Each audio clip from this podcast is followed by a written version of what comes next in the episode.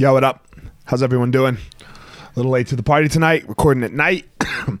um, man, two G's for us today. For me, anyway. A little grit and a little grace. Let's talk about grit first. Man, we got to bite down right now, right? We're all biting down. Good days, bad days, tough days, not tough days, but we're in it right? We're in it, and we gotta have we gotta have a little grit, right? We gotta have a we, we we've got to we've got to. You didn't come this far to quit, right? You didn't like if you're if you're listening to this right now, you you did not come to, to this podcast, you do not click on this button, right? The, the the download or the play or whatever you whatever you click on, right?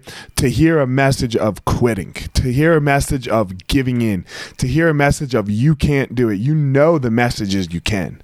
You know that's the message. You can always do it. Always. Don't ever let anybody tell you any any anything else. Don't tell yourself anything else. You got to have some grit right now. All of us. Of course it's fucking tough. Of course, it's not fun. Of course, nobody wants to be in this spot, but nobody fucking cares either. We're in it. Oh shit, that's my Siri. Sorry. Um, and then the second G, some grace.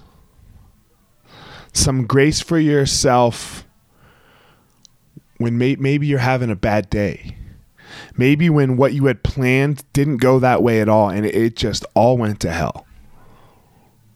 Give yourself some grace. Give yourself that little that little breath. You know? All right. That didn't go how i wanted. Don't ask you know like i know you know don't don't ask for grace from anybody else. Just ask for it for yourself. Just a little bit of space for what we know are tough times and for things not to be done as skillfully as possible. Maybe you didn't do it, maybe somebody else didn't do it, maybe your spouse didn't do it and it really affected you. Give yourself a little grace in that in that moment. Give yourself a little bit like, "Up. Oh, all right, there it is. Not much we can do about it now. Next time." Right? Next time. So that's it, guys. A little bit of grit and a little bit of grace. Find your power.